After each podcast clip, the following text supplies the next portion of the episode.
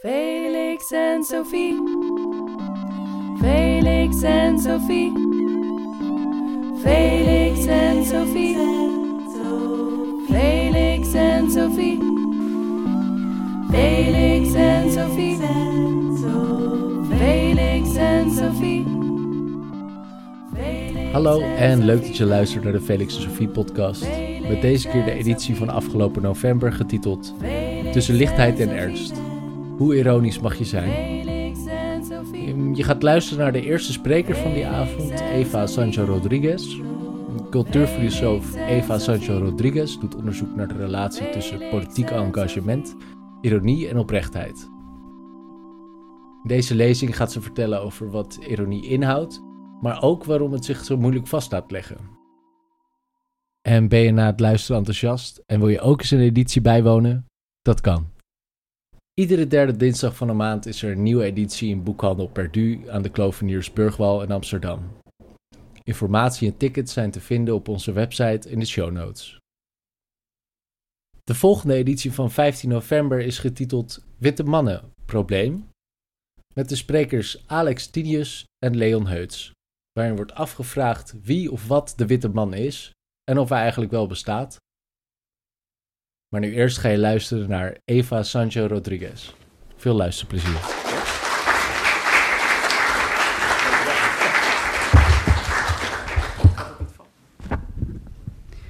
Ik wilde jullie eerst eh, wat dingen vragen. En dan is het handig als ik mensen ook kan zien. Ehm, wie heeft er wel eens een boek of een artikel gelezen over ironie? Oké, dat is tien of zo? Oké. Ehm, en wie heeft er wel eens eerder, dus behalve deze avond, een discussie over ironie in de krant of online of zoiets eh, voorbij zien komen? Discussie over ironie ongeveer evenveel, als ik het goed kan zien. Ik kan het niet zo goed zien, want het licht heel veel. Ik denk meer zelfs. Oké. Nou, ehm, ik doe al best een tijd onderzoek naar veranderende ideeën over politiek engagement en over politieke apathie. Ideeën daarover. En rond 2010 ben ik gefascineerd geraakt door de manier waarop ironie en oprechtheid heel belangrijk werden. Olly, could could the audience have some more light? More light. Yeah. Otherwise, I just I can't see people.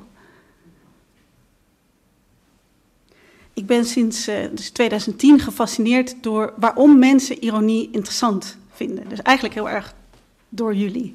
En um, nou ja, ik ben dus ook benieuwd wat jullie fascineert in ironie. En het is um, het wordt op bepaalde momenten weer belangrijk voor een bepaalde groep mensen. En dat moet ik er altijd bij zeggen. Het gaat over een bepaalde groep mensen en die houden zich dan bezig met ironie, oprechtheid, authenticiteit. En dat kan je in, Nederland, in het Nederlands uh, beschrijven als OSM, ons soort mensen. Mensen die hier komen, mensen in de, in de Bali. En in Duitsland zeggen mensen bobo, bohemien bourgeois. Heb je wel eens gewoon gehoord? Nou, nou ja, het, is, het is niet een heel erg uh, nationaal breed thema, ironie, als een soort van discussie. Het hoort bij bepaalde subculturen en mensen die uh, geïnteresseerd zijn in de Verenigde Staten. En dat is in Nederland best veel. Uh, schrijvers als Dave Eggers en David Foster Wallace en Jonathan Franzen. Dat soort namen zeggen mensen. Als niemand weet wie dat wie weet niet wie dat zijn? Die schrijvers. Oké, okay, nou, een minderheid. Wat ik vanavond zou willen doen, naar aanleiding van het verzoek van Gwen en Werner, is om enkele handvatten aan te reiken voor ironie, met de hoop dat het makkelijker wordt om erover te praten samen. Even. Want de vraag, wat is ironie, is gewoon te groot. Ironie is echt ongelooflijk divers, bijna zo divers als de mens. En pogingen om ironie vast te pinnen, zo, dit is ironie, dit is, blijf zitten, dat eindigt vaak dat het uh, uit je handen glipt. Het wordt uh, als een stukje zeep dat steeds uit je handen glipt, of een soort gladde aal. En um, ik ga vanavond proberen uit te leggen dat er. Ik ga proberen uit te leggen dat er drie soorten ironie door elkaar lopen. En dat die drie soorten als categorieën heel, heel, heel anders zijn van elkaar. En ik ga proberen eerst uit te leggen wat er gebeurt als je iets ironisch doet. Ehm, wie heeft de YouTube Explainer gezien? Oké, nou drie mensen. ja, oh ja, ik heb op de universiteit heel braaf geleerd dat ik de uh, sponsors moet bedanken. Dat bent u als belastingbetaler. Dank u wel. NWO. En uh, achterin zit Rutger Gernand. Die ging zich uh, verstoppen, maar die heeft de YouTube-video geproduceerd. Dus dat is met dank aan de financiële kunsten van die. Um, we gaan dus eerst kijken naar wat gebeurt er als je iets ironisch doet. Wat gebeurt er dan? En dan gaan we ook terug naar het verhaal van Werner, een dag uit het leven van een ironicus. Wat hij op mijn verzoek heeft geschreven als een verhaal in drie delen die corresponderen met die drie soorten. En op deze manier kunnen we die drie soorten bediscussieerde, die dus hele het onderwerp van gesprek terugkeren in de ironie. Dus iedereen heeft het dan over ironie en dan zijn er dus drie soorten. Uh, die gaan we dan proberen uit elkaar te trekken, want soms is het nodig om te zeggen waar gaat het nou over als je puntje, puntje, puntje zegt. Oké, groep 1. Hierbij uh, leun ik heel erg sterk op het werk van de onvolprezen Linda Hutchin, een Canadese auteur en ze is nog steeds actief. Ze heeft het aller, allerbeste boek over ironie geschreven, wat ik nou echt heel veel boeken veel te laat pas vond. Um, dat heet Irony's Edge, zoals edgy, de scherpe rand van een mes. Dus, uh, dat is edgy. Ironie is scherp en je kan je eraan snijden. Ik ga uh, vijf kenmerken van hoe ironie werkt als je iets ironisch doet uitleggen. En die zijn ook terug te zien in de YouTube-video. Dus als het te snel gaat, is er dus een gratis video. Bedankt. Um, ik begin ook daar in die, op YouTube met de gemeenplaats dat ironie iets is als het tegenovergestelde zeggen van wat je bedoelt. Lekker weertje zeggen terwijl het buiten hagelt of onweert. En dat is de zogenaamde antifrase. En wat Linda Hutchins zo goed maakt, is dat de meeste mensen ironie in hokjes willen stoppen. Je hebt dat tv-programma gehad, de, de Hokjesman. Dus, uh, nou ja, we hebben manieren om, om ironie in hokjes te stoppen. Of, uh, of er een soort postzegelverzameling van maken. Maar ironie is wisselvallig. Het is zoals Proteus, de heerser van de zee uit de oudheid. De heerser van de zee kan van, gedachte, van gedaante wisselen. En Linda Hutchins schrijft dus ook heel mooi: Irony is a protein power. Dus het is, het is, ja, het is wisselvallig. En uh, mensen willen heel graag van ironie een ding maken en wat je dan kan overdragen. Dus ik zeg A en dan bedoel ik B en dan hebben we iets, een soort pakketje, dat geef ik dan zo over. Maar het is meer als een soort relatie. Een relatie die altijd in context is. En in een bepaalde plaats en in een bepaalde tijd. En om die ironie samen te maken, als we met elkaar een ironische uitwisseling doen, dan heb je ook heel erg dat bepaalde voorkennis nodig is.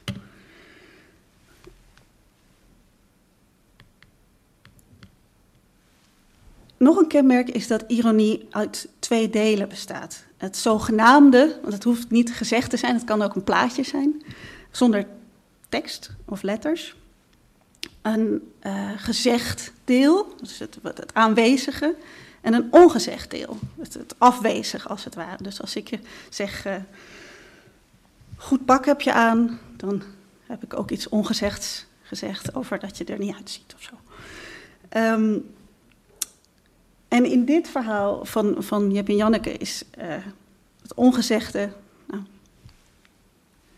wat jammer dat we niet buiten kunnen spelen.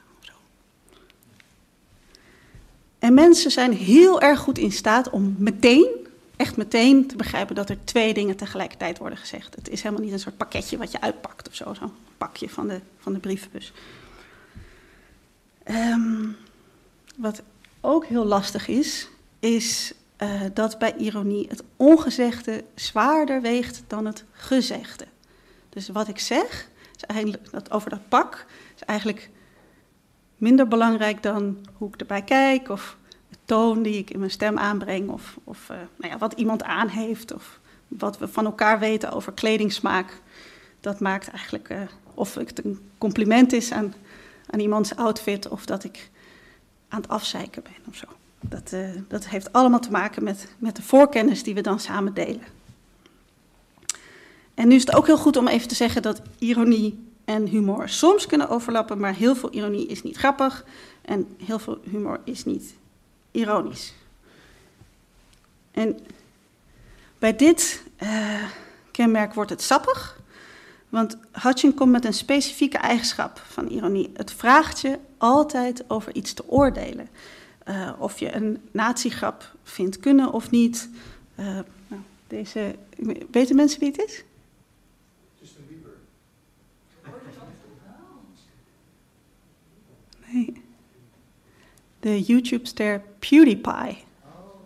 Weten mensen wie PewDiePie is? De handen? Oké. Okay. Nou, hij heeft echt honderden miljoenen kijkers. Het echt gaat nergens over zoveel.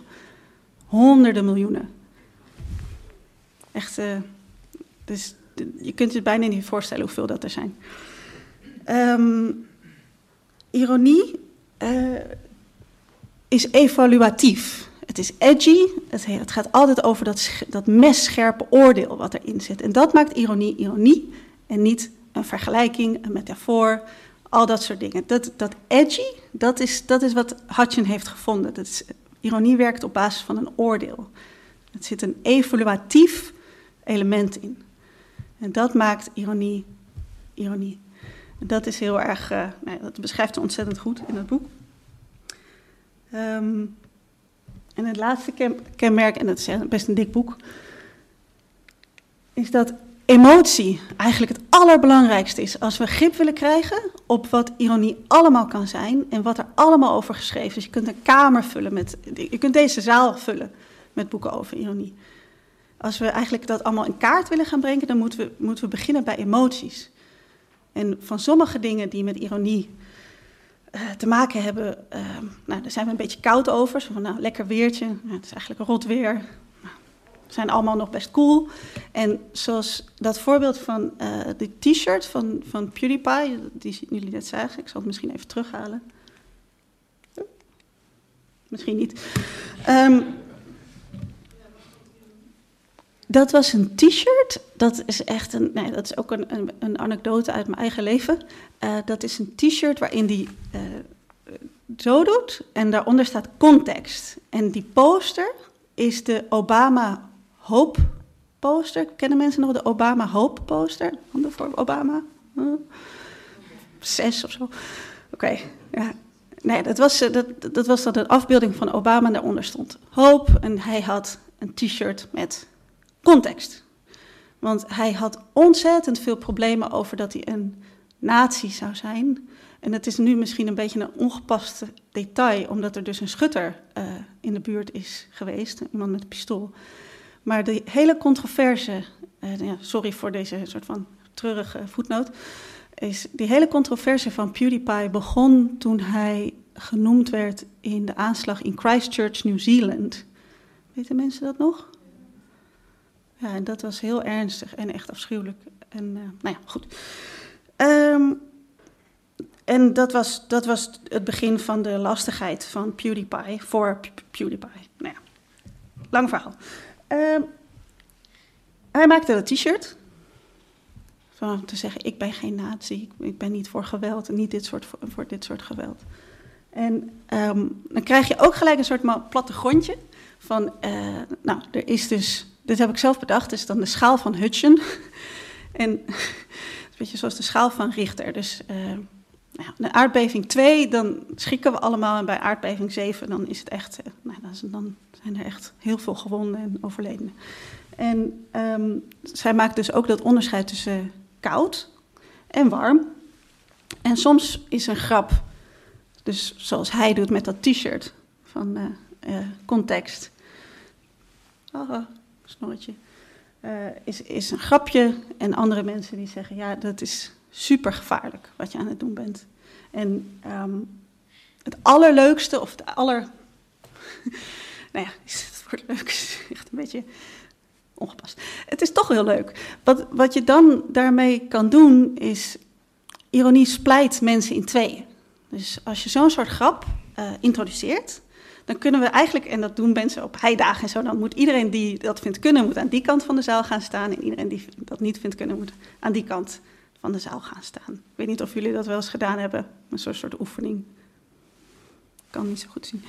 Maar um, ja, dus dat, dat, dat is ook iets wat uh, heel goed beschreven wordt in het boek. En wat ook te maken heeft met dat evaluatieve, dat, dat oordelende, wat zo eigen is aan, uh, aan ironie en wat dus heel anders is bij metaforen. Want metaforen, voetbal is oorlog. Maakt niet uit wat je van voetbal of oorlog vindt. Je snapt wat metafoor, voetbal is oorlog is. Dat, dat werkt dus niet zo. Je hebt dus niet een, uh, hetzelfde soort emotie die bij jezelf aangereikt wordt over kan dit of niet. Um, goed, dat was categorie 1. Ging het te snel? Oké. Okay. Oké. Um, de middag waarin Werner naar de demonstratie gaat. En um, volgens mij was dat ook aan de hand met de Nieuw Licht boekenserie van Ilja Leonard Pfeiffer. Dat, um, ik denk dat dat ook een voorbeeld daarvan was. Dat mensen het hadden over ironie, maar dan bedoelden ze eigenlijk een bepaalde groep. En de waarde van een bepaalde groep. En volgens mij had hij het over de alt-right. Ja, de alt-right. Um, maar het kan um, een Nederlandse nieuw extreemrechtse groep zijn, of de, de, de waarden van de VPRO, of Annie M. G. Schmid fans. Um, die zei over kinderen dat ze er niet zo van houdt, maar dat ze ze niet zou vermoorden. Nou, dat, soort dingen zei Annie M. G. Schmid. En, nou, dat was Annie M. G. Schmid. En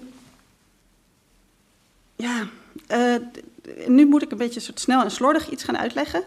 Maar de reden dat, dat ik denk dat mensen ironie gebruiken ten onrechte als synoniem voor de waarden van een bepaalde subcultuur. Want het, het, is alleen maar verwarrend als je zegt, nou, we moeten ons zorgen maken over ironie, terwijl je het eigenlijk over iets heel anders wilt hebben. Het gaat helemaal niet over ironie, het gaat over de terugkeer van de vrij extremistische uh, ideeën over dat er zoiets zou bestaan als rassen en al dat soort dingen. Um, nou, dat, dat heeft weinig met ironie te maken. Um, maar goed, de reden dus dat ik denk dat mensen het woord ironie gebruiken als ze de waarde van een bepaalde groep bedoelen, heeft te maken met het volgende begrip. Doxa. En uh, zijn er mensen die iets met doxa hebben? Ik vind dat een leuk onderwerp. Ik heb nooit nog, ooit nog een scriptie over geschreven, of daar ga ik uh, s'avonds altijd dingen over lezen. Oké. Nou, uh, hm? Zo nu en dan. Nou, oké. Um, dus er is een, een, oud onderscheid. Ik vroeg aan mijn uh, kamergenoten die uh, oudheidkundigen zijn... wat zou nou de simpelste manier zijn om het uit, uh, uit te leggen? Wat, wat is doxa? En toen was het antwoord Plato. dus dat gebeurt echt nooit, dat dat het simpelste antwoord is. Maar goed. Um, de, dus doxa is wat men denkt... Dus, opinies, algemene opvattingen, overtuigingen. Men zegt. En dan heb je aan de andere kant van de zaal heb je episteme, wat men weet. Zekerheden, geverifieerde of bewezen kennis. Die, die staan tegenover elkaar in de zaal. En ja. is iemand hier wel eens geweest? Eén iemand? Twee? Dat is de Fred. Toch? Ja, drie mensen. Oké. Nou, zonder dat je er ooit geweest bent, kan je met Doxa al heel veel weten over deze straat. Want dat is gewoon algemeen veronderstelde kennis waar we het nooit over hoeven te hebben. Namelijk dat je niet de weg oversteekt met je ogen dicht. Dat is gewoon gevaarlijk. Als je fietst, ga je naar de rechterkant. Als je loopt, ga je op de stoep. Al dat soort dingen. De dingen die in de winkels liggen, als je die zomaar pakt, dan is dat stelen. Enzovoorts, enzovoorts. Door Doxa weten jullie superveel over deze straat, zonder dat je er ooit geweest bent. In Den Haag.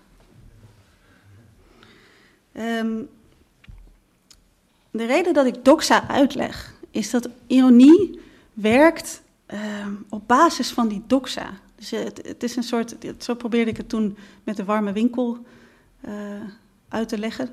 Voorheen toneelgroep Amsterdam. En um, het is een klankkast. Dus als je ironie wil maken, stel ik wil een ironisch grapje maken wat alleen jij en ik begrijpen, dan, dan doen we dat op een bepaalde manier. Maar als ik een ironisch iets wil doen, wat echt superveel mensen begrijpen, dan moet ik een doxa pakken. Bijvoorbeeld iets over dat vrouwen niet kunnen parkeren, of wat heel veel stand-up comedians nu doen, dingen die een soort van taboe zijn. Een beetje, nou, dat is nou oh, heel grappig. En uh, ironie heeft te maken met al dat soort uh, ongeschreven uh, regels in de maatschappij. En dan kan je dus ook iets heel. Ja, um, ironie is een soort schoppen tegen de doxa. En dat kan zijn in de progressieve zin, maar dat kan ook vooral zijn om de norm te houden zoals die is. Want een van de dingen die ik heel erg geleerd heb in mijn onderzoek, en dat was echt het moment dat ik dacht: oh, oké, nu snap ik het. Is dat de geschiedenis van de satire, en, de, en, en dat is dus humor, maar soms niet. Um, de, de, geschiedenis van de satire is eigenlijk grotendeels uh, zorgen dat de norm blijft zoals die is. En mensen die de norm uitdagen, die weer op een plek zetten. Terwijl wij hebben nu met elkaar op dit moment in de geschiedenis het idee dat satire gaat over normen uitdagen. Tegen heilige huisjes aanschoppen, zoals de kerk of het koningshuis. Dat soort dingen.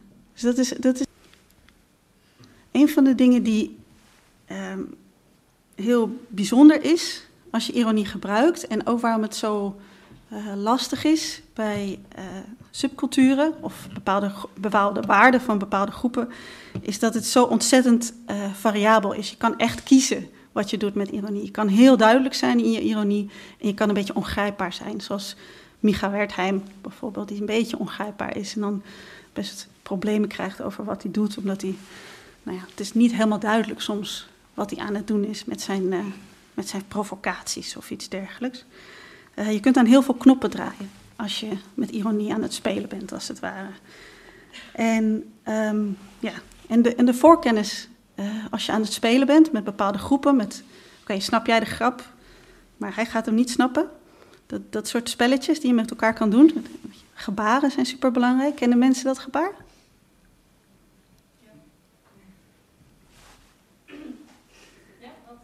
Wat is het? Um, laten we zeggen, oké, okay, maar het is ook een soort van idee dat het white power betekent. Ja. En hoeveel, mensen, hoeveel mensen wisten dat het white power betekent? Drie, vier. Nou ja. Sorry?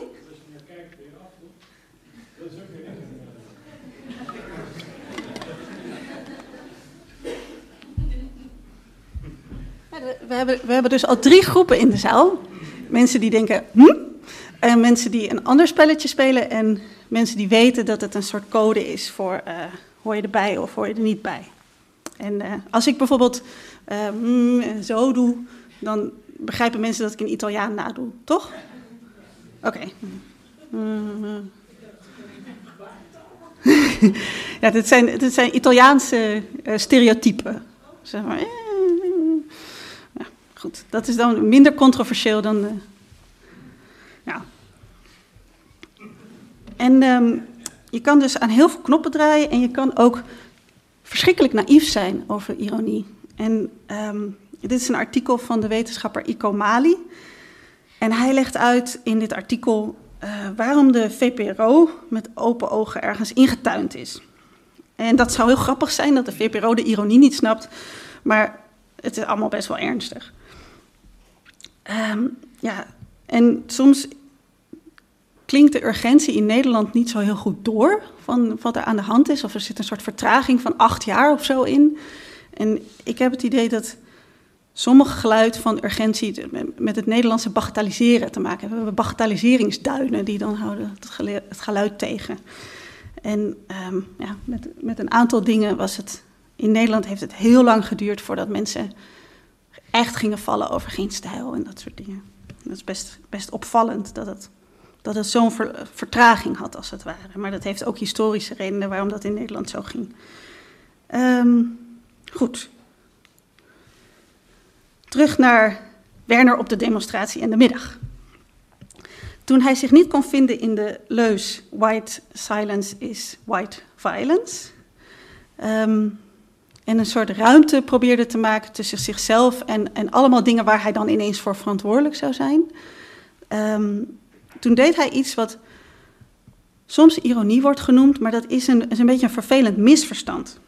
Ehm, de filosoof Richard Rorty heeft een beroemd boek geschreven. Dat heet Contingentie, Ironie en Solidariteit in 89. En toen was hij eh, acht jaar later ook in Amsterdam gastdocent. En hij be- bekende, eh, ook in een interview terug te lezen op Crisis, in 97 dat hij ehm, ontzettend spijt had dat hij de term ironie had gekozen. Omdat hij eigenlijk uit was op een soort ja, het is eigenlijk waarschijnlijk allemaal zo, maar ook weer niet helemaal. En we moeten een beetje ruimte maken voor elkaar. En dat eh, wilde hij probabilism noemen, waarschijnlijkheid. Het is waarschijnlijkisme. En hij dacht, nou weet je wat, ironie klinkt gewoon beter. En ehm, nou ja, dat, dat is een langdurige verwarring.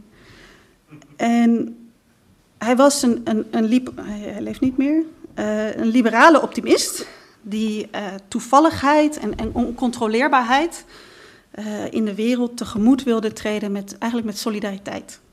En um, ik denk dat, dat als je dan toch blijft staan op een demonstratie waarvan je denkt, moet je gewoon blijven staan, want dat is solidariteit. En nou, dat ging goed, gelukkig die middag. Um, ik ben minder optimistisch uh, dan hoort hij de, de hoopvolle liberaal over de mogelijkheden van, van die solidariteit. Uh, en dat heeft te maken met het feit dat we allemaal individuen moeten zijn. En dat maakt ons ontzettend kwetsbaar. En politiek kan alleen samen, maar hoe kunnen we nou nog samen zijn?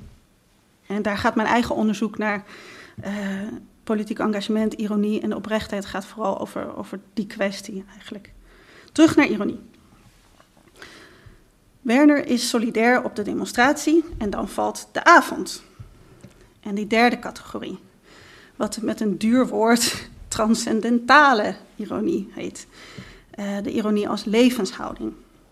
Het idee dat wat er is, dus wat er is, de wereld zoals je hem denkt te kennen, dat het lang niet alles is wat er is.